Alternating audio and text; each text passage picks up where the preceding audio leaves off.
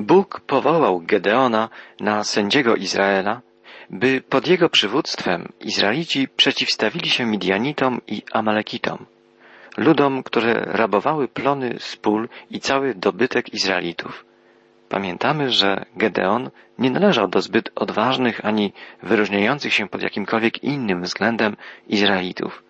Obawiał się Midianitów, nie wierzył w możliwość przeciwstawienia się im i nie czuł się pod żadnym względem kimś odpowiednim do wykonania jakichś szczególnych zadań powierzonych mu przez Boga. Ale Bóg wybrał i powołał właśnie jego i zaczął go przygotowywać do spełnienia misji wyzwolenia ludu izraelskiego spod tyranii pogan.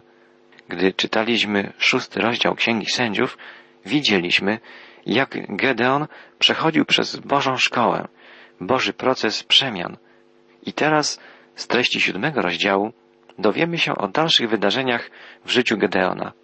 Wydarzeniach, które zdecydowały o tym, że został on ostatecznie odważnym i zwycięskim przywódcą ludu Boczego.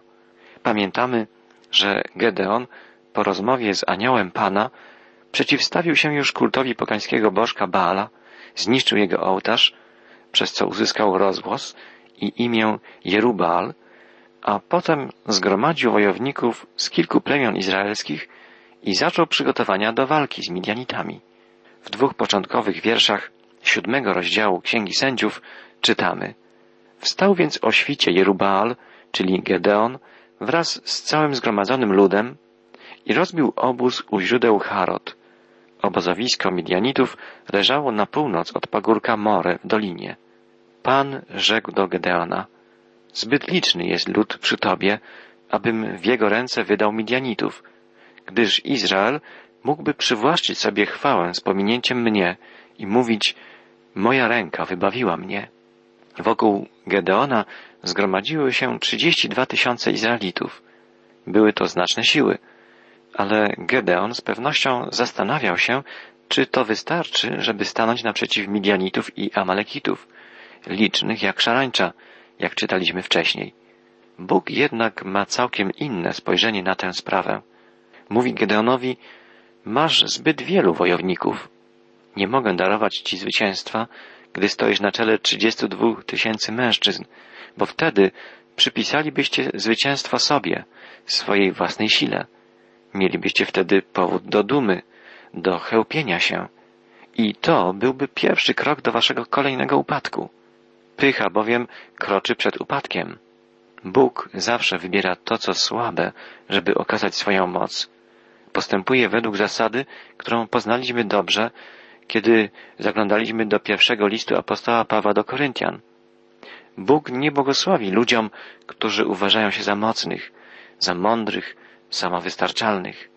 Bóg jest z tymi, którzy są świadomi swojej słabości, swej grzeszności i znikomości. Bóg poleca Gedeonowi, jak czytamy dalej w trzecim wierszu siódmego rozdziału Księgi Sędziów, wobec tego tak wołaj do uszu ludu. Ten, który się boi i drży, niech zawróci ku górze Gilead i schroni się. Tak więc odeszło z ludu dwadzieścia dwa tysiące, a pozostało dziesięć tysięcy. Gedeon miał trzydzieści dwa tysiące wojowników i teraz traci dwadzieścia dwa tysiące. Z naszych rozważań ksiąg mojżeszowych wiemy, że wśród wojsk izraelskich panowało prawo, iż każdy, kto się bał, mógł powrócić do domu. Nie uważano go wtedy za dezertera. Musiał jednak powiedzieć otwarcie, że boi się wroga i że nie chce brać udziału w bitwie. A więc teraz Gedeon ma dziesięć tysięcy wojowników. Bóg decyduje, że to jeszcze za dużo i poleca Gedeonowi poddać jego żołnierzy następnemu testowi.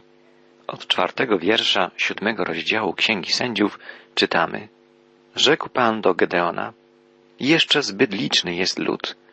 Zaprowadź go nad wodę, gdzie ci go wypróbuję. Będzie tak, o którym powiem, ten pójdzie z tobą, on pójdzie z tobą. O którym zaś powiem, ten nie pójdzie z tobą, on nie pójdzie. Zaprowadził więc lud nad wodę, a Pan rzekł do Gedeona, wszystkich, którzy będą wodę chłeptać językiem, podobnie jak pies, pozostawisz po jednej stronie, a tych wszystkich, którzy przy piciu uklękną, pozostawisz po drugiej stronie. Liczba tych, którzy chłeptali z ręki podnoszonej do ust, wynosiła trzystu mężów. Wszyscy inni, pijąc, zginęli kolana. Rzekł wówczas Pan do Gedeona. Przy pomocy tych trzystu mężów, którzy chłeptali wodę językiem, wybawię was i w ręce Twoje wydam Midianitów. Wszyscy inni mężowie niech wracają do siebie. To, co teraz się wydarzyło, ma szczególną wymowę. Właściwie znajdujemy tu ilustrację bardzo ważnego i trudnego dylematu. Jak to jest z naszym powołaniem i przeznaczeniem? Jaką rolę w naszym życiu odgrywa nasza wolna wola? Czy o naszej przyszłości decyduje Bóg, czy my? Czy w ogóle jest to do pogodzenia Boża suwerenna wola, zgodnie z którą dzieje się wszystko, również w naszym życiu, oraz nasze decyzje, nasze wybory? Czy te dwie rzeczy są do pogodzenia? Czy jest to możliwe, żebyśmy my o czymkolwiek decydowali, cokolwiek wybierali, skoro Bóg zna całą przyszłość i we wszystkim przeprowadza swoją wolę? Tu widzimy sytuację, w której z jednej strony wyboru dokonuje Bóg, a z drugiej człowiek. Ci wojownicy, którzy uklękli, żeby napić się wody, nie byli gotowi do walki. Tak naprawdę nie myśleli o wojnie. Nie myśleli o niebezpiecznym wrogu, który rozbił swój obóz nieopodal. Być może żałowali, że nie zawrócili do domu, gdy była ku temu sposobność. W domu przecież pozostały ich żony i dzieci i tyle ważnych prac do wykonania, tyle spraw do załatwienia. Zastanawiali się, co się teraz dzieje tam w domu. Inaczej rzecz miała się z tymi, którzy pili na stojąco, chłepcząc wodę z ręki. Oni myśleli o bitwie, myśleli o wrogu. Nabierali wodę jedną ręką, a w drugiej trzymali broń. Rozglądali się dokoła, czy nic im nie grozi, czy przypadkiem wróg nie chce ich zaskoczyć. Byli gotowi do walki. Widzimy, że z jednej strony to Bóg, kierując poczynaniami Gedeona, wybiera owych trzystu mężów, którzy mają stanąć naprzeciwko licznych jak szarańcza Midianitów, a z drugiej strony to oni sami, myśląc o walce, będąc gotowymi do bitwy z wrogiem, zadecydowali, że znaleźli się wśród wybranych. Często nam, z naszego punktu widzenia, trudno pojąć, jak może być do pogodzenia ludzka wolna wola i suwerenna, niezawisła wola Boga. Ale z Bożego punktu widzenia, z punktu widzenia Boga, który zna całą rzeczywistość stworzoną przez Niego, te dwie sprawy są nie tylko do pogodzenia, ale wspaniale ze sobą harmonizują. Dla człowieka wydarzenia przebiegają w czasie, w czasie według historycznej chronologii, mierzonej dniami, latami, wiekami. Natomiast dla Boga wszystko jest już od zawsze wiadome, bo jest On ponad czasem i ponad przestrzenią, którą stworzył i w której to czasoprzestrzeni nas umieścił. Nam, z naszej perspektywy, Boże powołanie, Boży wybór, przeznaczenie mogą wydawać się nie do pogodzenia z wolną wolą, z wolnym wyborem człowieka. Ale jest tak dlatego, że nie możemy spojrzeć na rzeczywistość tak, jak patrzy na nią Bóg. Wielu ludzi twierdzi, ja nie czuję się odpowiedzialny za moje decyzje odnośnie sprawy wiary, odnośnie Boga. Widocznie nie należę do grona wybranych, o których mówi Biblia. Przecież to Bóg decyduje o wszystkim. Widocznie mnie przeznaczone jest nie wierzyć. Nie, to nie tak. Bóg, posyłając Chrystusa, dał nam wszystkim szansę ratunku. Bóg tak ukochał świat, że każdemu, kto w Niego uwierzy, daje nowe życie, życie wieczne. Zbawienie jest darem dla każdego człowieka. Jedyną rzeczą, której Bóg od nas oczekuje, jest gotowość do przyjęcia Jego daru. Posyłając do nas swego Syna, Jezusa Chrystusa, Bóg wszystkim nam dał wielką, wspaniałą szansę ratunku.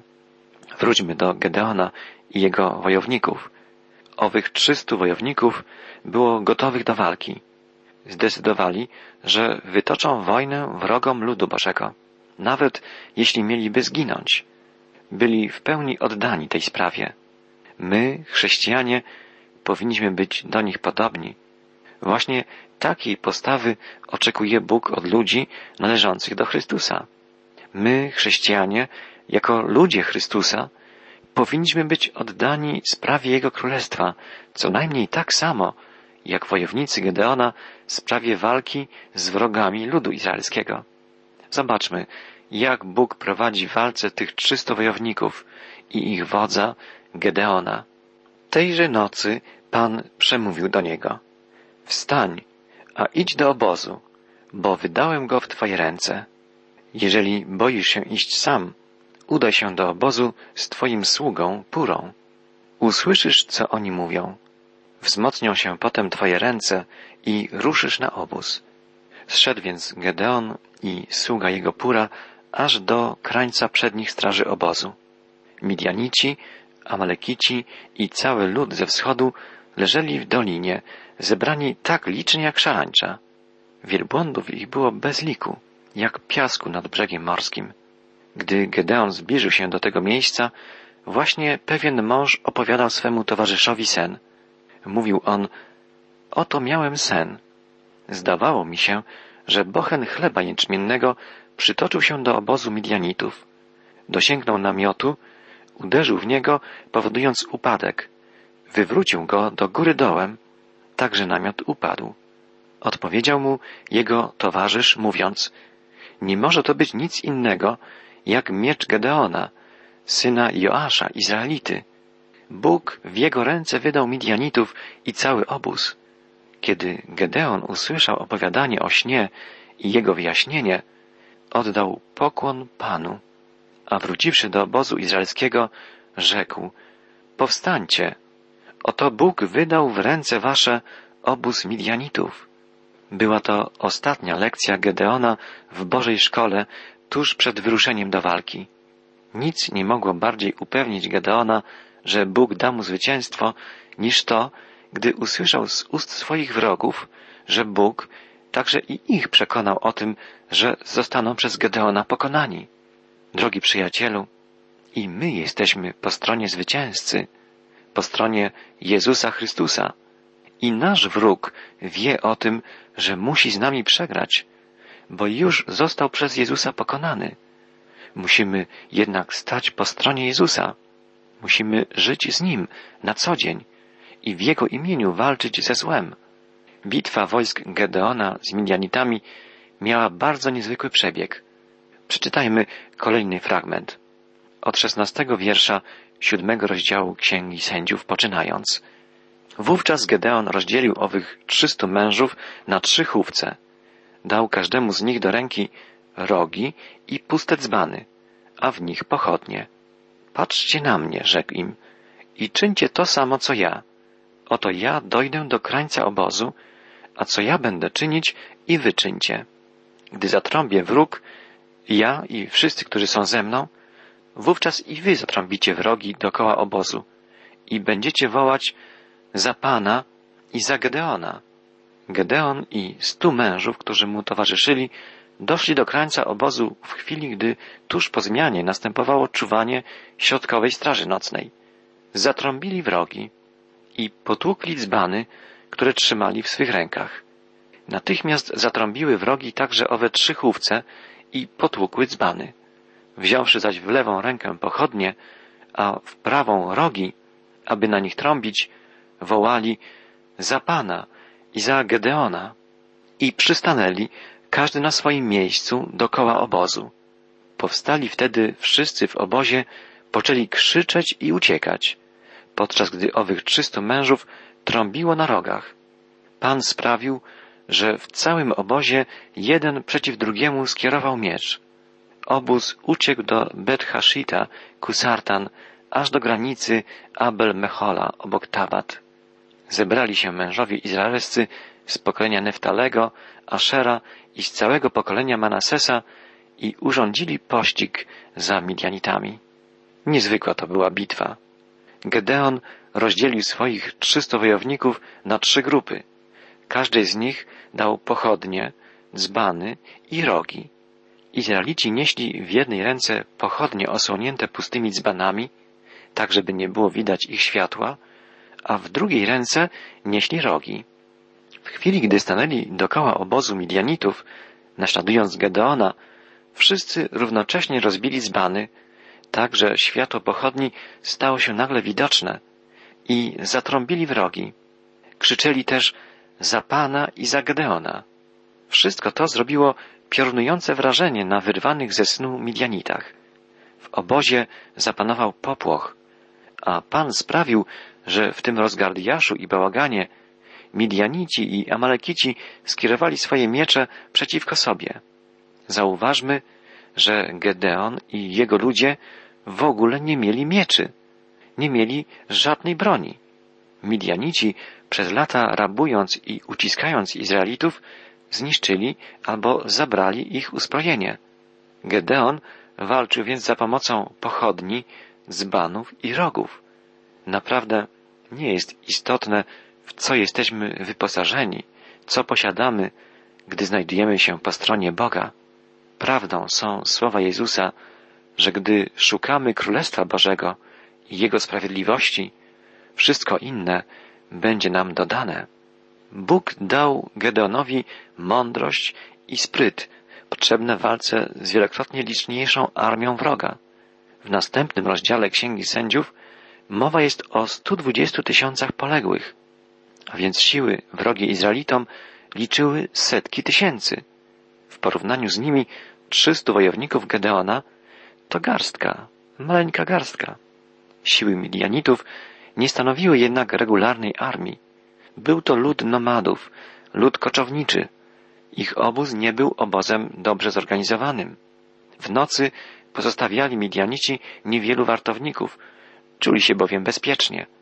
Spali gromadami, nie zachowując jakiejś jednolitej organizacji, jednolitego szyku. W niczym nie przypominali obozu Izraelitów z czasów ich wędrówki przez pustynię. W obozie Izraelitów, jak pamiętamy z lektury ksiąg mojżeszowych, zawsze było wiadomo, gdzie znajdują się namioty poszczególnych plemion, w jakim stoją szyku i w jakim porządku powinny poszczególne oddziały stanąć gotowe do walki w przypadku alarmu. O niczym takim nie było mowy w obozie Midianitów i Amalekitów. Organizacja obozu była bardzo luźna. W nocy nikt nie był w stanie stwierdzić, kto gdzie śpi.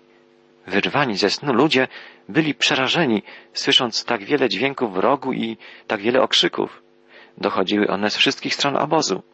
Na wpół przytomni, przerażeni Midianici, przekonani, że zostali zaatakowani przez potężną armię, zaczęli machać na oślep mieczami i w tym zamieszaniu i panice mordowali siebie nawzajem. Wszystkim tym kierował Bóg, Pan Izraela. Czytamy w tekście biblijnym. Ale Gedeon i jego gromada nie byli bezczynni.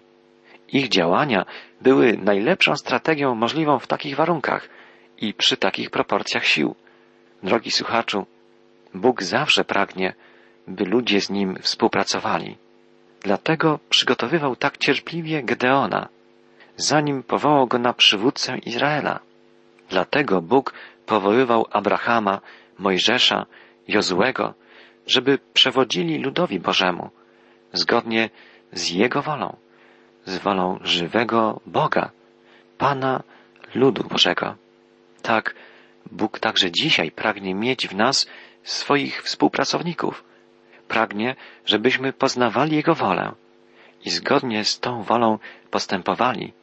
Bóg pragnie, żebyśmy kierowali się Jego mądrością, żebyśmy poddawali się kierownictwu Jego słowa i Jego ducha. Czy jesteśmy na to gotowi?